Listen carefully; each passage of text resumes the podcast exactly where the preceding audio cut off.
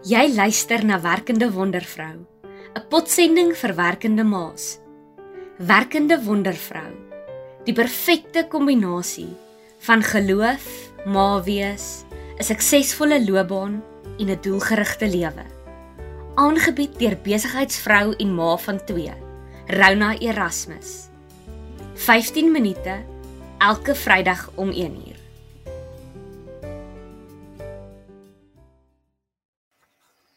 Hallo. Ek is Rona Erasmus, 'n werkende ma net soos jy. Ek glo dat ons as vrouens geskape is om 'n lewe in oorvloed te leef. Jou drome is belangrik en dit wat jy doen, alles behalwe irrelevant. Welkom by my potsending, die werkende wondervrou. In die laaste 2 werkende wondervrou episode het ons gesels oor waarskynlik een van die grootste siektes of toestande van ons tyd. Uitbranding.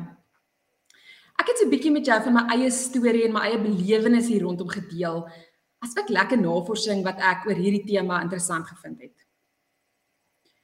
Ek besef al hoe meer dat dit nie so eenvoudig is om dinge te vereenvoudig vir onsself nie dat die oplossing tot soveel van ons probleme sommer so in ons bereik is, maar die, dat die implementering daarvan makliker gesê is as gedaan. In my potsendings verwys ek gereeld na my life coach. Nou ek glo daaraan om op 'n gereelde basis met iemand te gesels wat vir my perspektief oor die dinge in my lewe kan gee. Iemand wat na my luister en my wil help om vorentoe te beweeg. So vandag is dit vir my 'n ongelooflike groot voorreg en lekkerte om vir Dr. Corrie Pieterse te verwelkom. Dr. Corrie het sy PhD in opvoedkundige sielkunde en daarmee saam met hy meestersgrade in bedryfsielkunde, sielkunde en seksiologie. Sy passie is eintlik die mens en daarom spandeer hy meeste van sy tyd daaraan om lewenstyl afrigting te doen. Dr. Corrie, welkom en dankie dat jy vandag 'n bietjie van jou kundigheid met ons kom deel. Ag, dankie Rana, dit is 'n groot voorreg om hier te wees. Dankie. Dis my baie baie lekker. Ehm um, so Dr. Corrido word gesê dat uitbranding nie so seer 'n mediese diagnose is nie, maar eintlik meer 'n emosionele kondisie wat gepaard gaan met oorweldigende spanning. So Kom ons val sommer so met die met die deur in die huis. Ehm um, Dr. Corrie, wat sou jy sê is die grootste emosionele redes tot uitbranding? Weet jy Rana, dis 'n baie interessante vraag. Ons praat so van uitbranding sommer so in die loop asof ons verstaan eintlik wat dit is, maar dit behels ongelooflike baie goed. Dis weet ons praat van emosionele uitbranding omdat dit baie te doen het met met ons emosies, maar daar's ook fisiese tekens, daar's kognitiewe tekens en daar's ook geestelike tekens. Ja. En ek dink die belangrikste ding wat 'n mens moet verstaan van van uitbranding is dat dit 'n dat dit veroorsaak word deur 'n oormatige hoeveelheid van langdurige stres. So dit is nie 'n ding wat wat 'n uh, sommer net oornag plaasvind nie. Dit is 'n volgehoue ding wat 'n uh, waardeur 'n mens of oorweldig voel of emosioneel uitgeput is of jy jy voel jy net nie in staat is om aan die konstante eise en verwagtinge te voldoen nie. Ja. So ek en en vir my die hartseer daarvan is uh ek dink in die statistieke wat ek op hand het is dit tot en met 77% van die van die werkende mense daar buitekant is in 'n vorm van 'n mate van uitgebrand en dis wat die wêreld aan ons doen en ons in ons moet na onsself net dood eenvoudig uh beter kyk. Nou Dokter Corrie Jog, dit is baie interessant en is eintlik skrikwekkend soos jy sê wat die statistieke daar rondom is. Ehm um, maar hoe kan Jan Alleman, ek op straat wat nie noodwendig baie hiervan weet nie. Hoe kan ek op 'n emosionele vlak um bewus raak daarvan dat ek dalk op die randjie van uitbranding staan of op pad is in die verkeerde rigting? Wat is die tekens? Ek dink uh, en weer eens uh Rona, dit is 'n uh, emosioneel weet ons dat 'n mens voel maar soos 'n mislukking en ek dink 'n groot 'n groot mate is 'n mens se selfvertroue en ek dink ook geestelik daarbey is om hopeloos te voel, vasgevang te ja. voel, eintlik half verslaan te voel en en en en en opmerklik is die die verlies aan dryfkrag en mm. motivering om om net vorentoe te gaan. Uh en ek dink ook 'n minder tevredenheid met die prestasies is amper asof dit wat jou voorheen gedryf het dit nie meer dieselfde effek op jou het nie. So jy kan nie meer daaraan vashou aan hierdie emosionele hoogtepunt wat jy bereik het wat 'n resultaat vir jou gegee het nie. Dit voel net of jy net die volgende ene moet jaag en die volgende ene moet jaag om hierdie bonatuurlike uh hoe kan ek sê uh tekort in jou lewe aan te vul. So vir my as ek nou as ek nou terugdink aan aan aan die gevoel vir my was dit dat niks net ooit goed genoeg kan wees nie. Ehm um, dat maak nie saak maak nie saak wat jy bereik en wat ander mense daarvan sê nie dat jy in jouself net nie voel dat dit dat dit regtig is wat dit veronderstel is om te wees nie of dat die emosie wat daarmee gepaard behoort te gaan ehm um, nie daarmee gepaard gaan nie. So mense voel amper dubbel soos 'n soos 'n mislukking want want nou het ek hierdie prestasie bereik en ek het gedink dit gaan 'n sekere emosie tot gevolg hê wat dit toe nou nie tot gevolg gehad het nie. En dan werk mens nog harder om die volgende om die volgende ding en die volgende um mate van sukses te bereik. So ja, dit is dit is nogal 'n ek dink is ook 'n dis ook 'n ongoing ding wat mens um wat mens so deur die loop van jou elke dag moet hanteer en moet begin bestuur. Um maar ook baie sensitief te wees wanneer jy daar kom. En ek dink in 'n besige lewe en waar ons um, ons as werkende mammas veral regtig besig is jy het nie jy het so min tyd om net stil te staan en om om eintlik te besef dat jy besig is om uit te brand um is dit is dit belangrik om te weet wanneer jy wanneer jy wanneer jy daar wanneer jy daar kom So nou weet ek, kom ons sê, kom ons veronderstel ek weet nou ek is nou uitgebrand. Wat kan ek doen in my alledaagse lewe om hierdie staat van uitbranding in 'n mate teen te werk, maar ook ook op 'n beter plek te kom? Weet jy dan ek het ehm, ek en jy het hier oor gepraat en ek het en ek geweet jy gaan vir my vir 'n paar tips vra. Ja. En voordat ons by die veralgemening daarvan kom, wil ek net gou-gou 'n kantnotaatjie maak oor oor hoe werk oor wat gebeur eintlik met ons wanneer ons in hierdie stresvolle, langhoue, voortdurende uh aanvalle op ons lewe is en ons moet verstaan dat ons stresreseptore uh, gaan op 'n stadium met hierdie volgehoue aanslag maak dit op 'n stadium toe. Met ander woorde, dit dit gaan op 'n cellulêre vlak dwars deur jou liggaam. Dit beïnvloed jou hele liggaam, met ander woorde jou hele bestaan in terme van jou liggaam, jou hartklop, jou bloedvate wat vernou en alles wat daarmee gepaard gaan. En ek wil net gou-gou vir 'n oomblik vinnig daarby gaan stil staan om te gaan sê is dat die moeilikheid van dit is ons ons kry baie keer ons ontvlugting na medikasie om ons te help om om hierdeur te kom wat ek in beginsel nie teen het nie maar ons moet vir mekaar sê onthou as ek op 'n cellulêre vlak my reseptore toemaak dan beteken dit dat my liggaam ook nie ontvanklik is vir die die chemiese reaksie wat die pil veronderstel is om te hê op my nie. Ek kan net dood eenvoudig dit nie hanteer nie. Ek moet gaan kyk op 'n ander vlak. Ek glo trouens dat die placebo effek van die pilletjie wat 'n mens neem eintlik 'n groter effek het as die pil se chemiese werking op sigself. Onthou nou waaroor ons hier praat. Dit is 'n langdurige proses. Ek praat nie nou van die verlies van 'n geliefde wat 100% stresvol is ja. of om selfs in 'n huwelik te staan wat tot tot 'n mens die statistiek sê tot en met 50% stresvol kan wees. Ek dink party is net minder en party net meer en ander dalk net meer gelukkiger. Ehm um, en ons gaan daarby kom nou-nou by oor die goedes, maar ek wil net so gou-gou 'n bietjie oor die effek praat van kortisol en adrenalien en ek gaan vinnig aframmel. Ons moet onthou ons hartklop begin vinniger klop. Okay? Mm.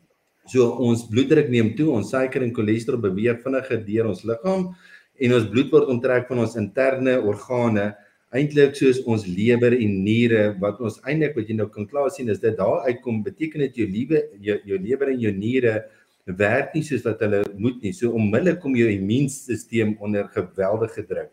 Daai ja. goeie wat die lewe die toksiese goeders moet gaan uithaal vind nie meer plaas nie. Jou metabolisme is kas toe en jou immuunstelsel word heeltemal gedemp. Trouwens hulle sê tot vrouens se estrogen vlakke tel op. So as jy nog nog gesukkel het om gewig te verloor en jouself onder 'n hoë mate druk gesit het wat net so normaal is soos in die werksomgewing, doen jy presies dieselfde. So in steede daarvan dat jou liggaam daarbey baat vind, sit jy jou liggaam onder druk. En ja. dan wil ek nou kom en as ons dit vir mekaar sê, dan vind ons dit baie maklik om te verstaan dat wanneer ons daarby gaan kom, is die hantering van van lang en uitgerekte stres uh beteken dit dat dit die enigste manier is om dit te kan doen sluit in visualisering teen breingolwe van van 'n alfa dit is tot 7 tot 13 Hz en theta 4 tot 7 Hz wat ons kan gebruik om hierdie goeters eintlik van ontslae te raak. Met ander woorde, jy weet waartoe ek hiermee gaan. Dit ja. is om om rustig te word, om te gaan sit en mediteer uh en om die lewe net dood eenvoudige rustige te vat en om amper soos in 'n dagdroom droomstaat te wees en jou lig in jou in jou hele brein en wat daarmee gepaard gaan te herprogrammeer om in hierdie stres en soos wat jy nou gesê het ek weet maar ek kan net verander as ek dit erken dit gebeur in my liggaam ja so, ja. keer is ons te trots baie keer dink ons net dood eenvoudig uh, weet jy ek moet net harde werk. Dis glad nie so nie. Jy moet dalk net meer en, en beter rus. Ehm um, so ja Ek ehm um, as jy my praat vir 'n paar goedjies, ek, ek dink trouens veral wanneer ons 'n vriend of wat ook moet haal, dan sien die mense baie in in die in die sepies eintlik dat hulle vir mekaar sê kyk vir my. Ehm uh, dan maak hulle oogkontak en dan sê hulle die volgende ding, seker die belangrikste ding is haal asem. Mm. En daar is 'n wonderlike hele wetenskap agter asemhaling wat dit trouens onmoontlik maak om aan enigiets anders te dink as jy net op jou asemhaling fokus. En dis hoekom ek so bang is as ek nou vir jou gaan sê, hoorie Sorana, die eerste ding wat ons moet leer om te doen is om asem te haal. Want ons weet dit eintlik al van COVID tyd. Almal sê vir jou jy moet net asemhaal. Ja. En en en ek moet net hê die mense moet verstaan wat is die rede oor hoekom ons sê dit so belangrik is is dat om dood eenvoudig net asemhaling te gaan aan en en regtig baie partikulêr te wees oor hoe jy asem te kan haal want dit is nie moontlik dat jou liggaam kan voortgaan om hierdie denkprosesse en jou emosionele uh, goeders te ervaar as jy net konsentreer op op jou asemhaling. Sure. OK. Ja. Ehm um, wel ek praat nogal baie daaroor Dr. Corrie wat dat asemhaling so belangrik is en daar's eintlik legio apps en maniere hoe om dit te doen wat mens leer. Ek bedoel tot ons smart watches deesdae sê vir jou, your stress seems to be high. Um can you do a breathing exercise? Ja. So daar's soveel maniere om dit te doen en ek dink ek dink soos ek vroeër ook gesê het is ons die die, die antwoord is eintlik so eenvoudig. Yes. Die implementering daarvan is nie altyd so maklik nie want dit is dit is iets wat ons moet inbou in ons alledaagse lewe. Maar ek bedoel om te kan asemhaal kan jy op enige plek doen. As jy in die verkeer is en spanning ervaar daar, dis die lekkerste plek om rustig ja. te sit en asem te haal. Kyk, die ding is hoekom ons vir mense sê om hom te gaan uithaal. Dis hoekom ek verkies om elke uitbranding afsonderlik te hanteer want elkeen het sy eie indikators, het sy eie beginpunt en dis waar ons so vinnig as moontlik moet uitkom voordat ons kan raad gee. Uh, en dit hang ook van die persoon se temperament af teenoor 'n ekstrovert teenoor 'n introvert ja. oor oor hoe hulle die inligting ook prosesseer rondom dit. Uh, ek meen of vir 'n persoon te gaan sê, hoorie, jy moet gaan asemhaal, dink hy, hoorie, ek kan net ek kan hierdie ding wen net deur om te oorkom.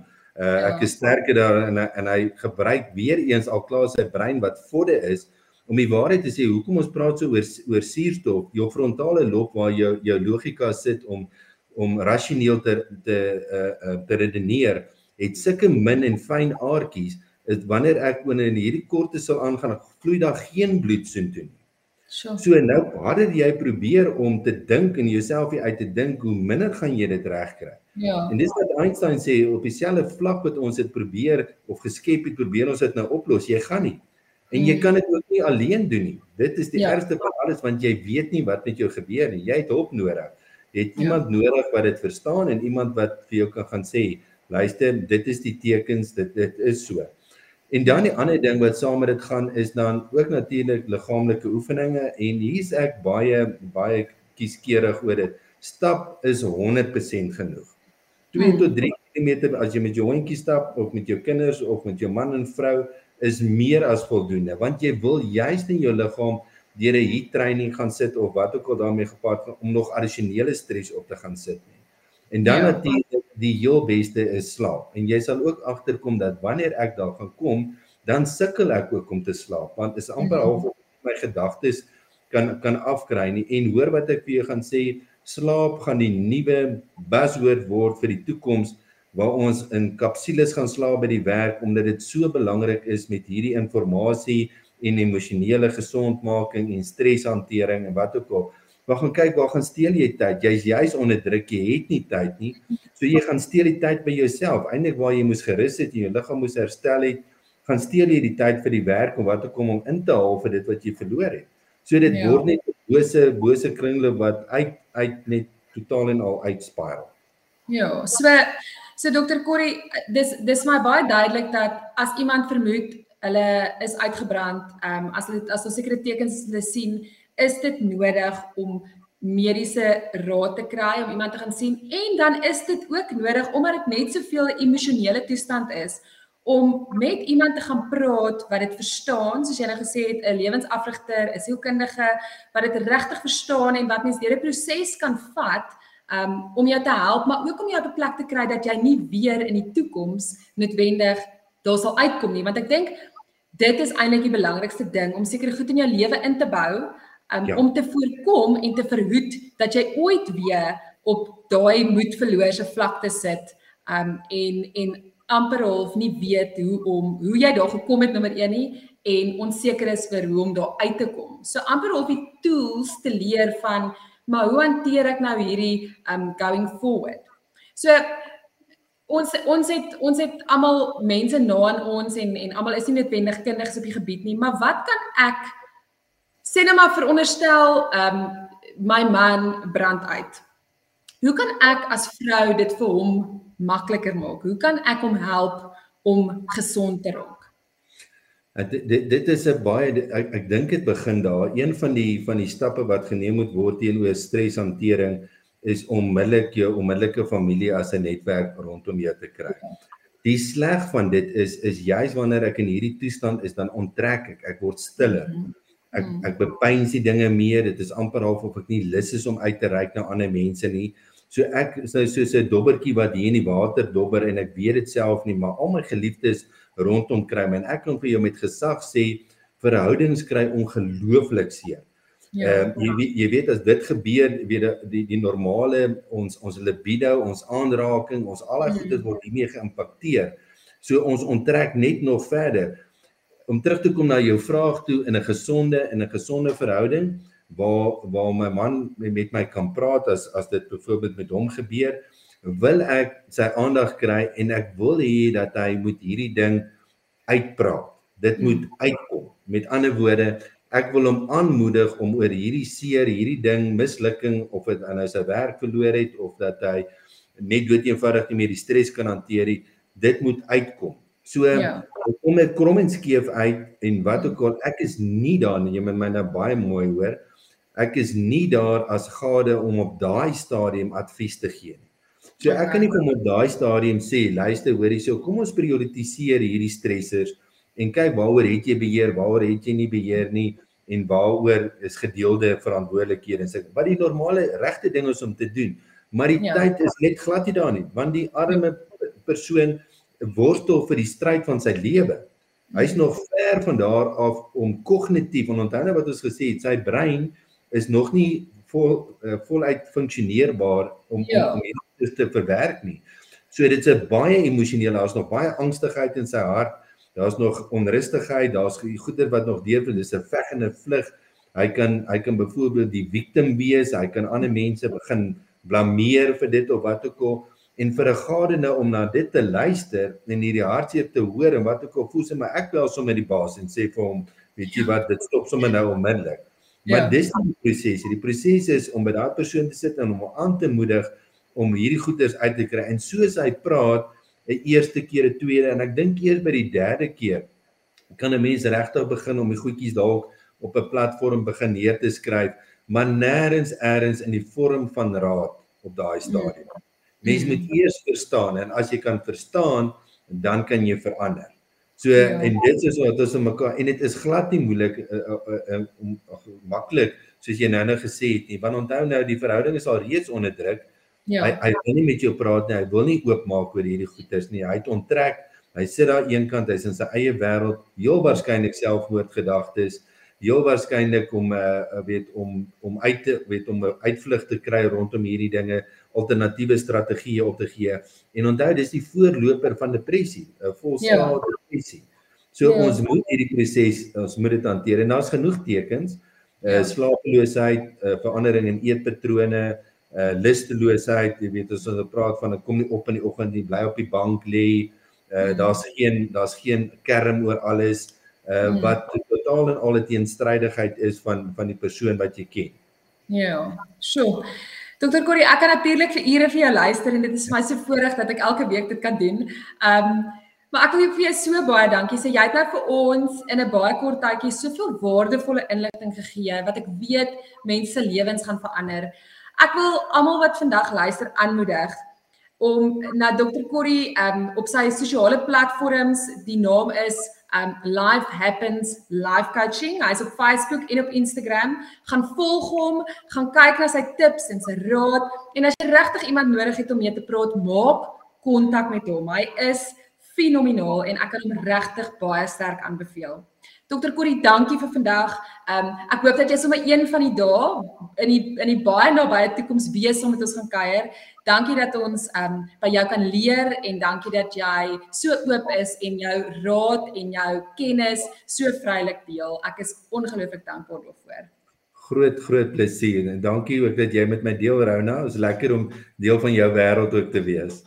Dis 'n voorreg.